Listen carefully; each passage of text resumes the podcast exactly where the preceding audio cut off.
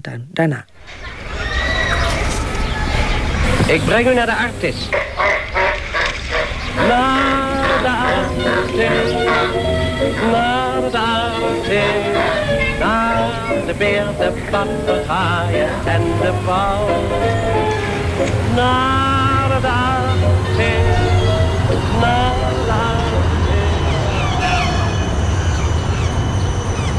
de We staan hier eh, op een hele bijzondere plek aan de plantage Middelaan... bij de Hollandse Schouwburg. Die iedereen natuurlijk kent vanwege de rol die het gebouw gespeeld heeft... in de laatste oorlogsjaren. Maar wat eigenlijk vrijwel niemand weet is dat ook hier eh, Artis aan de basis heeft gestaan. Maarten Frankenhuis. Van 1990 tot en met 2003 directeur van Artes. Eh, toen de allereerste directeur Gerard Frederik Westerman... toen hij in 1838 Artis had opgericht en in 1890 overleed... toen bepaalde hij in zijn testament dat eh, zijn woonhuis... wat op precies deze plek stond... dat dat eh, vermaakt zou worden aan Louis Bouwmeester... met een substantieel bedrag en de opdracht om hier de Artis Schouwburg op te richten. En die Artis Schouwburg ging in 1892 open en heeft het eigenlijk heel slecht gedaan. Heeft maar een paar jaar kunnen bestaan. En toen is het in, ik geloof in 1894 of 1895 in andere handen overgegaan. En daarna weer heropend als Hollandse Schouwburg. En toen is halverwege de oorlog hebben de Duitsers besloten om deze Hollandse Schouwburg, inmiddels Joodse Schouwburg, eh, te beschouwen, te gebruiken als een verzamelplaats voor Joden uit de regio. De gemeenschap Vreugde en Arbeid van het Nederlandse Arbeidsfront heeft kinderen van wie de vaders in het buitenland werken een leuke dag in Artis aangeboden. De kleine gasten hebben veel belangstelling voor de vreemde dieren.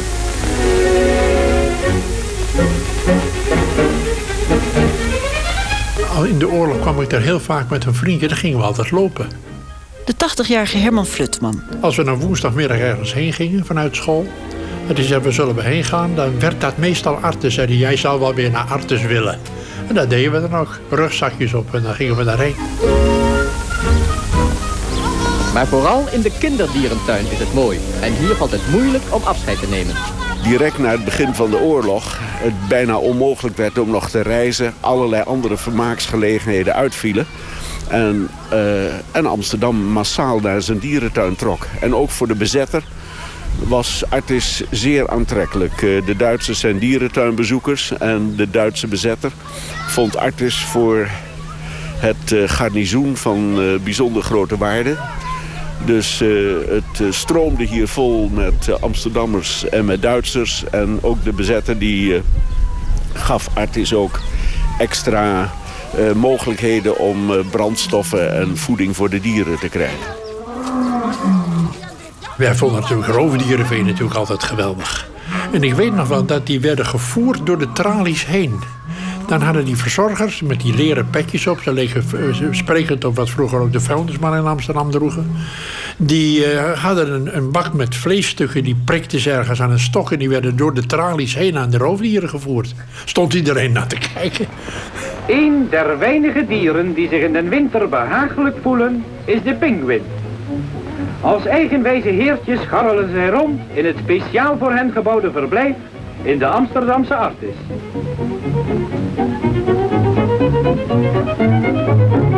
De toenmalige directeur, Dr. Armand Sunier, was buitengewoon vooruitziend. En die had voor de oorlog al ervoor gezorgd dat de hooien en stroozolders tot aan de nok gevuld waren. Dat ook in de magazijnen alle granen en pitten en noten en gedroogde zuidvruchten in ruime mate voorhanden waren. Er waren tienduizenden kilo's eh, vlees was er ingevroren. Dus in feite ging Artis eh, eh, zeer wel voorzien de oorlog in. Maarten Frankenhuis. Auteur van het boek Overleven in de dierentuin. De oorlogsjaren van Artes en andere parken. Dat vlees dat was voor een groot deel afkomstig van, eh, van noodslachtingen of verdronken dieren ten gevolge van de inundaties rondom Amsterdam.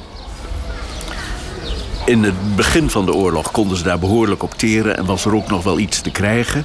Maar naarmate de oorlog vorderde, werd dat steeds moeilijker. En met name in de laatste 2,5, 3 oorlogsjaren zie je dat er eigenlijk continu eh, bladeren en takken worden verzameld en gras wordt gemaaid op begraafplaatsen, het Amsterdamse bos, in plantsoenen, parken en dergelijke.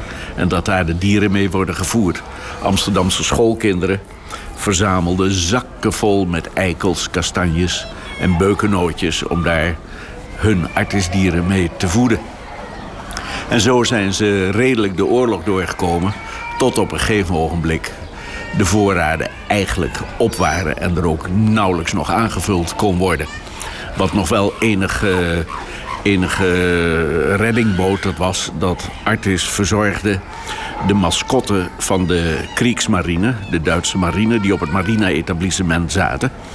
En hun mascotte was een bruine beer. En die konden ze daar niet huisvesten. Die kwam naar Artis. En Artis wist uh, te bedingen dat dat dier natuurlijk gevoerd moest worden... en dat de voedselresten van de manschappenkeukens dat dat, uh, dat, prima was. Dus daar at ook uh, half Artis van mee. Het enige wat er anders was, is dat er toch tamelijk veel Duitse soldaten rondliepen. Iets van honger of wat dan ook. Ik denk, daar kon je niks, niks van merken. Echt gebrek is er pas ontstaan in, in 1944, eind 44. Daarvoor was het karig, maar eigenlijk was het toch... Mensen gingen naar de bioscoop, mensen leefden gewoon. Het enige uitzondering die er was... En daar zat ik als Amsterdam-Zuid jongetje natuurlijk in. Die, die verschrikkelijke toestanden met de Joodse bevolking. Die niet meer in Athens mochten komen. En toch ging iedereen. Er was bijna niemand die zei van... oh, mogen de Joden niet meer komen, gaan wij ook niet. Men ging gewoon. Dat geldt voor de bioscoop ook.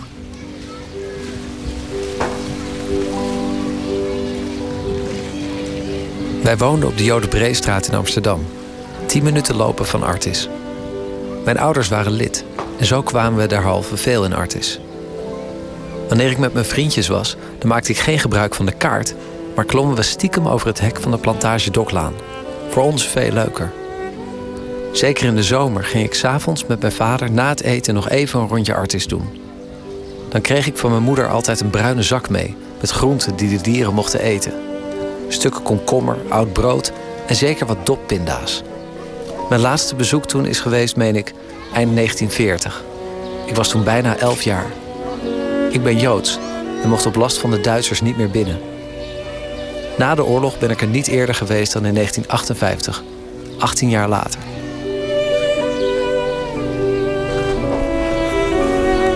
Dit is uh, de Artis kinderboerderij. Die stamt ook al van voor de oorlog en was eigenlijk bij mijn weten de allereerste ter wereld in een dierentuin. En ja, voor wat betreft uh, in oorlogstijd was het hier natuurlijk geweldig oppassen. Omdat hier dieren waren die buitengewoon smakelijk waren. Gemakkelijk in de hand konden worden genomen. En geslacht. Dus hier zijn in, met name in de hongerwinter, maar gedurende de hele oorlog...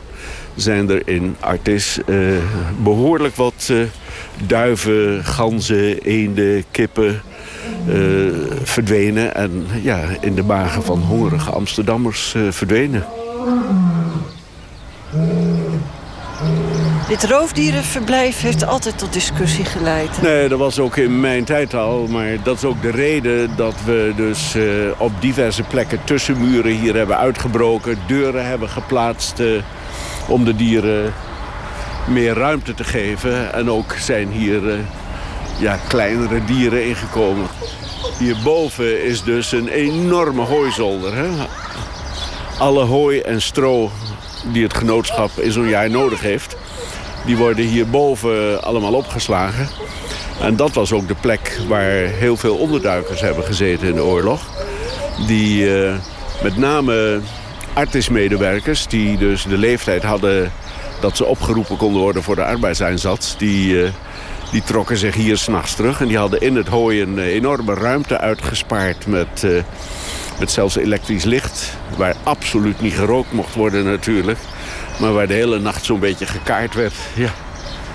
Er is ook nooit iemand hier gearresteerd. Van de Joodse onderduikers of de Of de mensen die op de vlucht waren voor de arbeidseinsatz. Dat is toch opmerkelijk hoor. Als je bedenkt dat er in totaal tussen de 200 en 300 onderduikers hebben gezeten in de oorlogstijd. Niet allemaal tegelijk natuurlijk, maar er waren toch altijd wel enkele tientallen mensen op het terrein.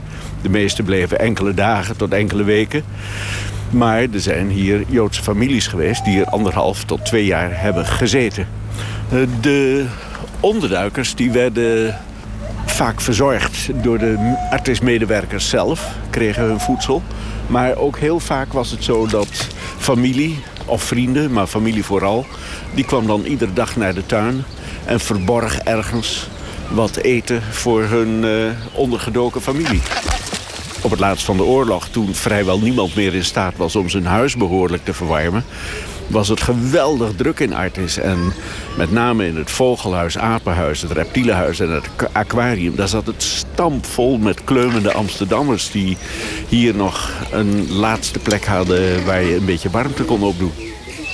En ik heb later ook gehoord dat er uh, bijvoorbeeld nog elektriciteit werd afgetapt...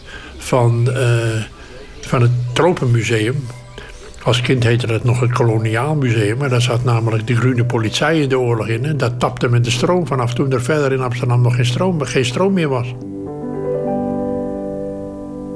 Met de grootste voorzichtigheid wordt de Neekerk in de haven van Amsterdam gelost. De kisten bevatten passagiers uit Afrika die nogal wat last van zeeziekte hebben gehad en die blij zullen zijn weer op vaste grond te kunnen staan. Ze worden onmiddellijk op transport gesteld naar een plaats waar ze de meest deskundige verzorging mogen verwachten. Die plaats is Artis, waar de 50 gekooide zeevaarders een nieuw tehuis zullen vinden. De voortplantingsresultaten waren in de oorlog uh, waren die, uh, middelmatig tot slecht. De dierenhandel lag natuurlijk volledig stil, want in die periode werden dieren altijd nog verkregen via de handel. Ja, de collectie was behoorlijk uitgedund uh, in de Tweede Wereldoorlog. Toen lukte het op een gegeven ogenblik om toch via een aantal tuinen nog wat dieren te krijgen.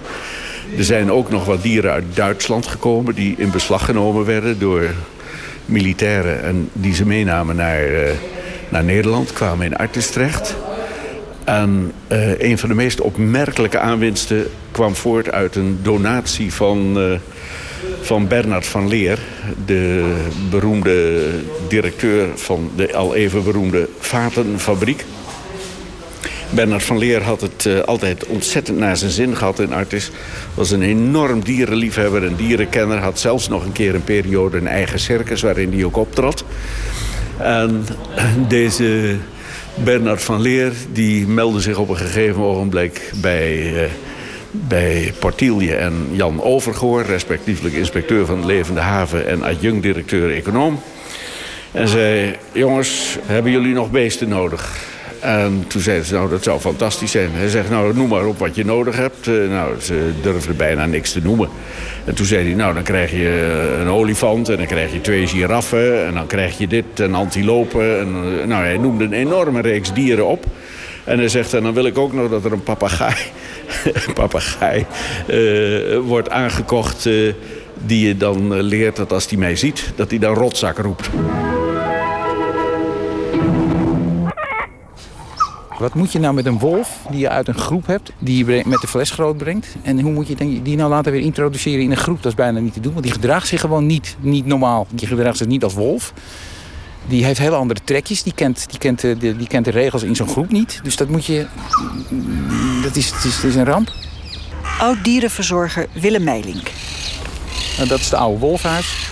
Daar ben ik eigenlijk begonnen. Ja, dat, dat, dat, dat was het wolfhuis. Het was vroeger een kroeg. En uh, het heette eigenlijk een linde, geloof ik, toen. Daarboven hadden we ratten kweken en, en muizenkweek en, en, en, en kweken voor, voor, de, voor voeding voor de dieren. Dat zat daarboven. Het was niet zozeer dat ik, uh, dat ik uh, dit bedrijf had uitgekozen als, als, als, als, als werkplek. Maar ik woonde hier wel dichtbij. En ik klom natuurlijk als iedere, als iedere kleine ondeugd over het hek. Want geld was er natuurlijk niet. Klom je stiekem over het hek op, op een plek waar dat dan kon. Waar het heel dicht begroeid was en waar, waar, waar allerlei verblijven stonden waar niemand kwam. We hebben natuurlijk meegemaakt dat er van alles in die tuin gebeurde. Miep Jacobi, dochter van oud-directeur Jacobi en jarenlang woonachtig in Artes. losse pinguïns op de plantage Middelaan... die weer gevangen moesten worden, die onder het hek doorgekropen waren. Op een gegeven moment een tijger, die... Die zitten, zaten in het oude, oude roofdierenverblijf. En daar zitten grote schuiven tussen de nachthokken en tussen de hokken onderling. En in het hok ernaast was een schilder bezig en iemand trok de foute schuif open. Een losse panter in de achtergang, ook hetzelfde verhaal, foute schuif open. En heel dramatisch het eh, ontsnappen, ik weet niet waardoor, van een neushoorn... die in het Menankabouwse huisjesperk stond. En die daar natuurlijk weg moest. En dat was op een buitengewoon drukke dag. Dus het was erg vol. En uh, nou ja, eerst mensen er dus uit. En toen de dierenarts met zo'n uh, zo'n geweer verdovingspijlen. En niemand wist hoeveel het dier woog. Dus een gokje. En dat was te weinig. Best bleef staan. En dat een paar keer achter elkaar. Tot hij dan inderdaad omviel. Heb ik bijgestaan. Ik werkte die dag uh, met, met, met, met de verzorger van de olifanten. Ik was bij de wolven hier aan het werk. En hij was in het Minankaba-huisje aan het werk. Daar zaten allemaal antiloopjes.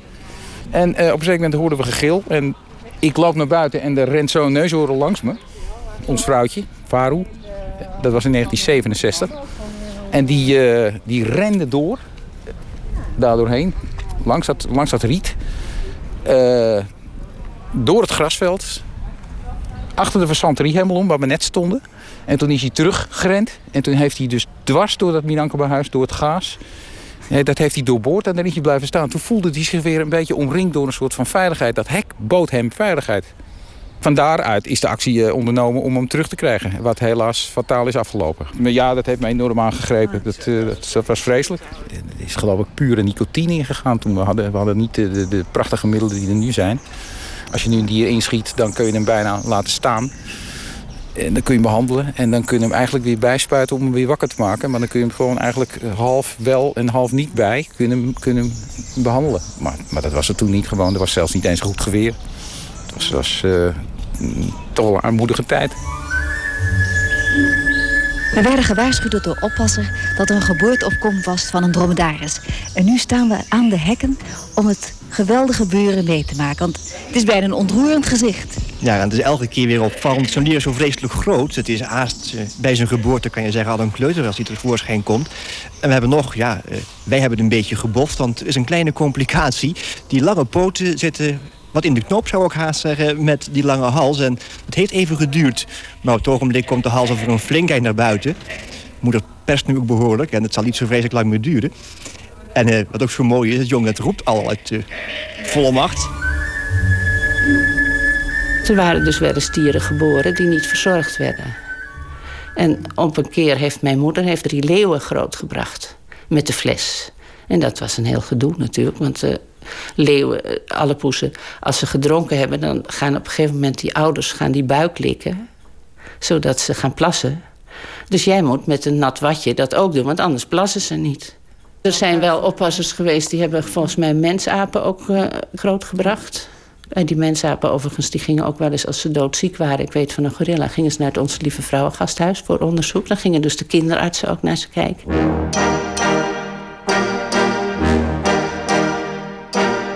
Miep Jacobi, dochter van Ernst Jacobi.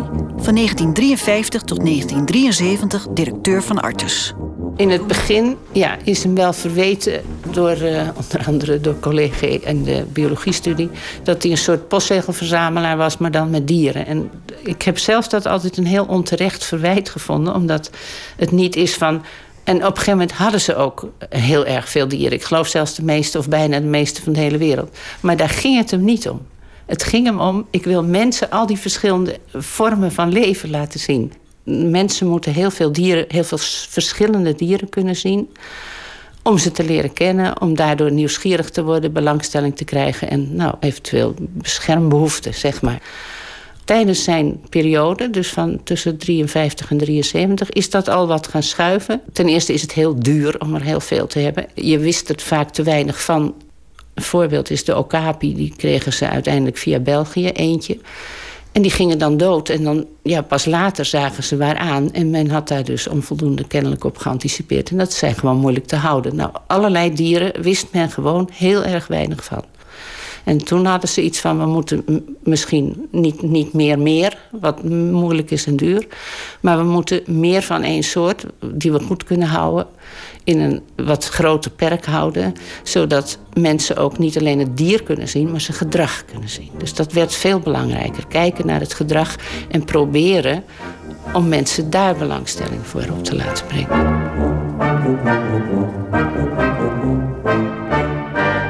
Het was een dierentuin die volop in beweging was. En dat idee van een postzegelverzameling werd stopgezet. Maar toen hebben we ook gezegd, de dieren die hier zitten... die moeten daar met een duidelijke reden zitten. En we willen duidelijk omschreven hebben waarom we die diersoort in huis hebben. Waarom in die aantallen, leeftijdsopbouw, geslachtsverhouding. Waarom op die locatie, wat voor rol spelen ze in onze educatieve programma's. Is het een aantrekkelijk dier? Leveren we bijdrage aan het instand houden van bedreigde diersoorten met die diersoort? En uh, op basis daarvan zijn we begonnen met een collectieplan... wat toen in feite volstrekt nieuw was in dierentuinland. Maar we begonnen toch aan het verkeerde kant van het verhaal. Want eigenlijk moet je eerst eens goed gaan nadenken over de boodschap die je kwijt wil aan je publiek. En waarom ben je er eigenlijk? En dan moet je gaan kijken welke dieren, welke planten uh, zijn het best om die boodschap te illustreren. Wanneer we klaar zijn met al deze mega zeeleeuwen die we zitten. Als jullie dan leuk vinden, vertellen we wat over de dieren die we hier hebben. En welke handelingen we allemaal verricht hebben. Die pakken we zo. De oppassers van Artus. Wat voor groep mensen was dat? Toen wij kwamen, er waren alleen maar mannen. Vrouwen werden niet uh, aangenomen. En ik weet nog dat, volgens mij is in de tijd van mijn vader toen het kleine mensapenhuis gebouwd voor de jonge mensapen, jonge chimpansees. En toen hebben ze bedacht dat ze eigenlijk, althans ze hebben overwogen om toen een vrouw aan te stellen om met die chimpansees iets te doen. En ik herinner me nog de discussies van, nou kan dat wel? En dan in zo'n mannengemeenschap en dat wordt gedonder. Maar die dame is er gekomen, zeker juffrouw Schaap. En die at dan smiddags met die dieren. Dan werden ze op stoeltjes aan een tafel gezet. En dan kregen ze een bekertje en een bordje. En dan was het natuurlijk dolle pret voor het publiek... als ze dat bordje omkeerden, al of niet op elkaars hoofd. En als ze met die bekers gingen gooien... en zij dan zogenaamd boos deed... nou, dat was altijd een, een groot feest. En inmiddels, als je nu in Artes loopt... dan zie je vaak meer vrouwelijke oppassers dan mannen. Dus ik weet helemaal niet hoe de verhouding nu is. Maar dat was een bewust beleid.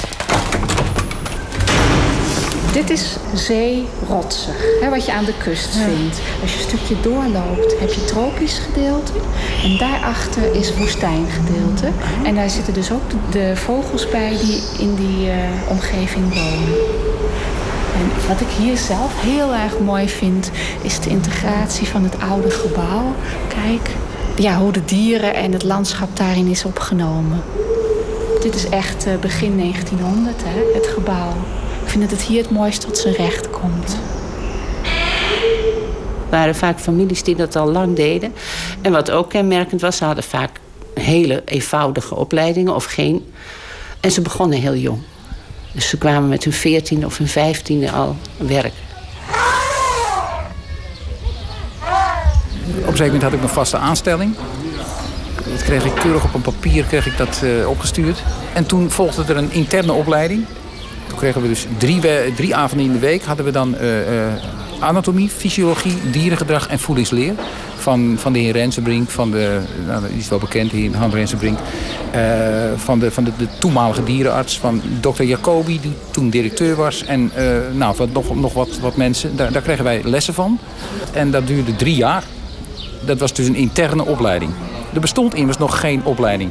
Nu is er een, een, een laten we zeggen, redelijk gerichte opleiding om in een dierentuin te kunnen en te mogen werken. Maar die mensen komen daar dus veel later vandaan. Die, die, die zijn geen 15 als ze, of 16 als ze daar vandaan komen. Die zijn 25 of 22 of 23, dat weet ik niet precies. En die, komen dan, die gaan dan solliciteren. Die komen of, ja, of hier of elders in, in dierentuinen te werken. Of in een dierenwinkel. Of op een, in een asiel. Of, of bij een hondentrim, weet ik wat. Je kan er van alles mee natuurlijk. Alles wat met, met dieren te maken heeft. Dus dat is nou wel. Ik was zeer geïmponeerd uh, om, om, om, om dieren van dichtbij mee te maken. Ik was uh, Ik was ontzettend uh, onder de indruk van het feit dat we... We gingen overal in, hè? dat moet je niet vergeten. Dat gaat nou allemaal niet meer gebeuren. We gingen overal naar binnen om schoon te maken. We liepen tussen de wolven, we liepen tussen de hyena's. We liepen redelijk vaak tussen de olifanten, niet tussen de neushoorns. En dat is tegenwoordig allemaal aan banden gelegd. Dat mag niet meer. Het was op de eerste lentedag dat we in Artes ronddwaalden voor dieren kijken. Er viel heel wat te kijken. Overal heerste voorjaarsactiviteit. Bij de vijver waren de pelikanen druk in de weer. Ook heel belangrijk was, hij had natuurlijk een staf met uh, onder andere educatieve diensten, beroemde Han Rensbrink. De soort opvolger van Portilje, die dus ook uh, allerlei radioprogramma had en zo. Wat zijn het eigenlijk? Ze lijken een beetje op de hyënehonden die we laatst in onze uitzending hebben gehad. Ja, het zijn dus uh, hyena's, echte hyena's dit keer. Gestreepte hyena's van een nest van vier. Wat niet door de moeder wordt grootgebracht, maar door de oppasser. Ze zijn nog erg klein, hè? Ja, maar ze gaan aardig lopen. Tuigen hun geluidjes. Kom eens hier, kind. Zo. Maar even in die mand gestopt om ze in elkaar te houden. Mag je even op de bank zitten, dat is fijn. hè? Zo. Ze wisten niet zoveel van wat dieren moesten eten en hoe je ze moest houden. En ik herinner mezelf uit de fazanterie, heel leuk. Toen kwamen er rode ibissen. Nou, prachtig, prachtig fel rood-roze. En ik zie nog de oppasser van de fazanterie die veren zo bekijken. Van die beesten zijn geverfd. Daar, wat hebben ze nou gedaan? Want als je ze dus had, werden ze wit. En daar is dus pas later van gevonden dat ze bepaalde kreefjes moesten eten om die rode kleurstof aan te kunnen maken. Dus dat was niet bekend. En nu is dat wel bekend en krijgen ze dat en zijn ze rood en blijven ze rood. Dus dat is eh, ook weer heel grappig. Er was zo ontzettend veel niet bekend nog over het houden van dieren.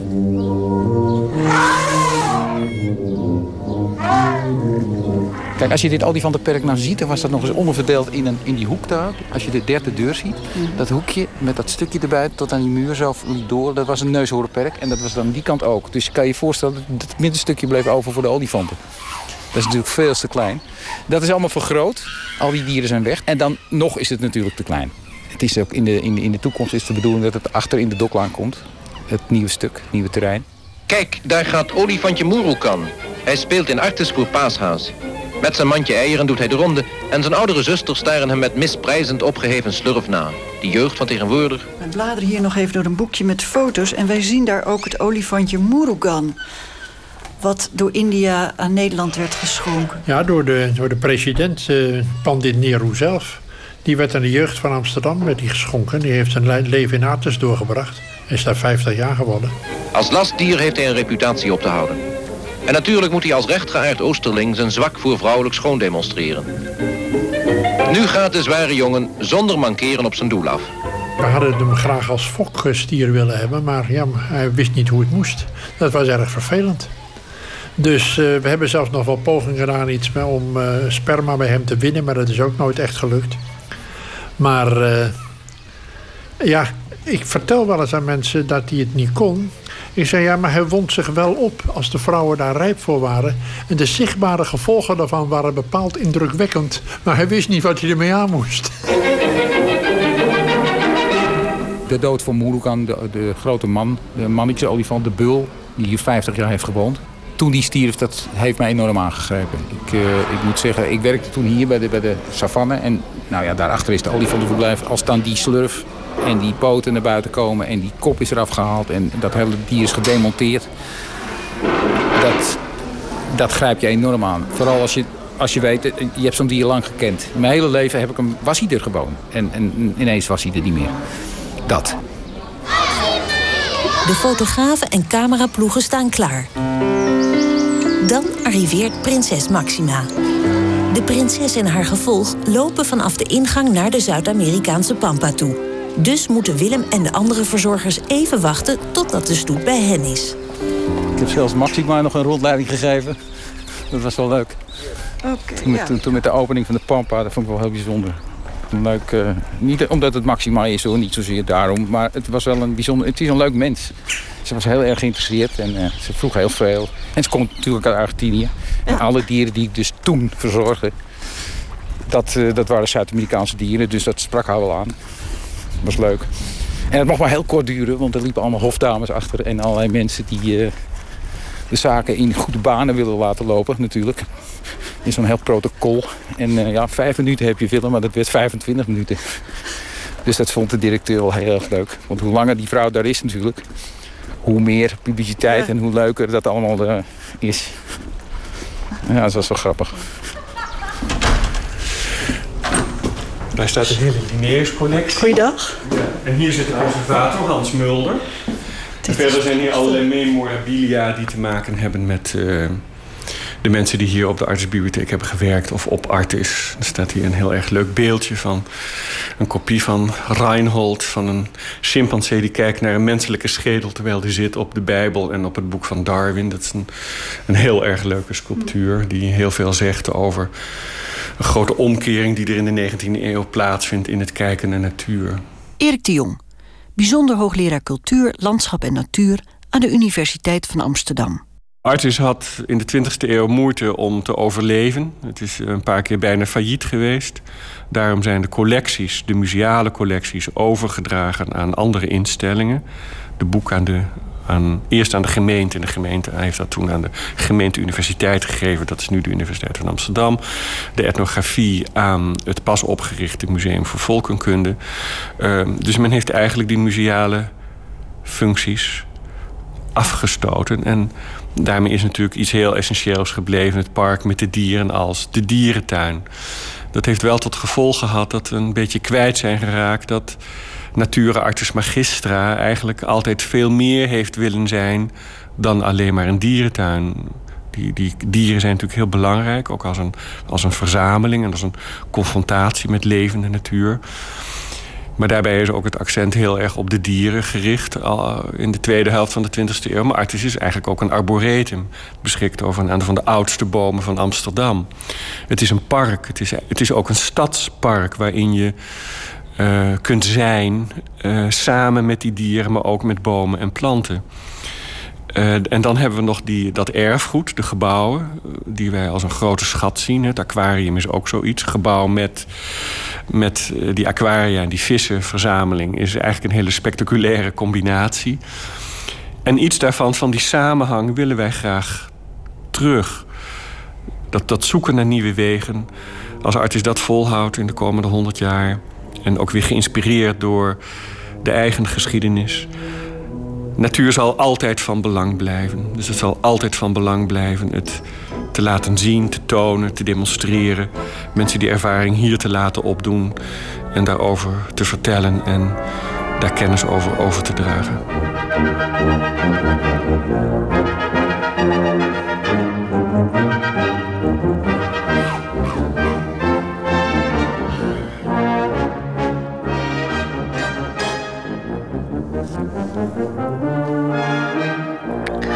Dit was het slot van een tweeluik over 175 jaar Artes. Een programma van Astrid Nauta, gemonteerd met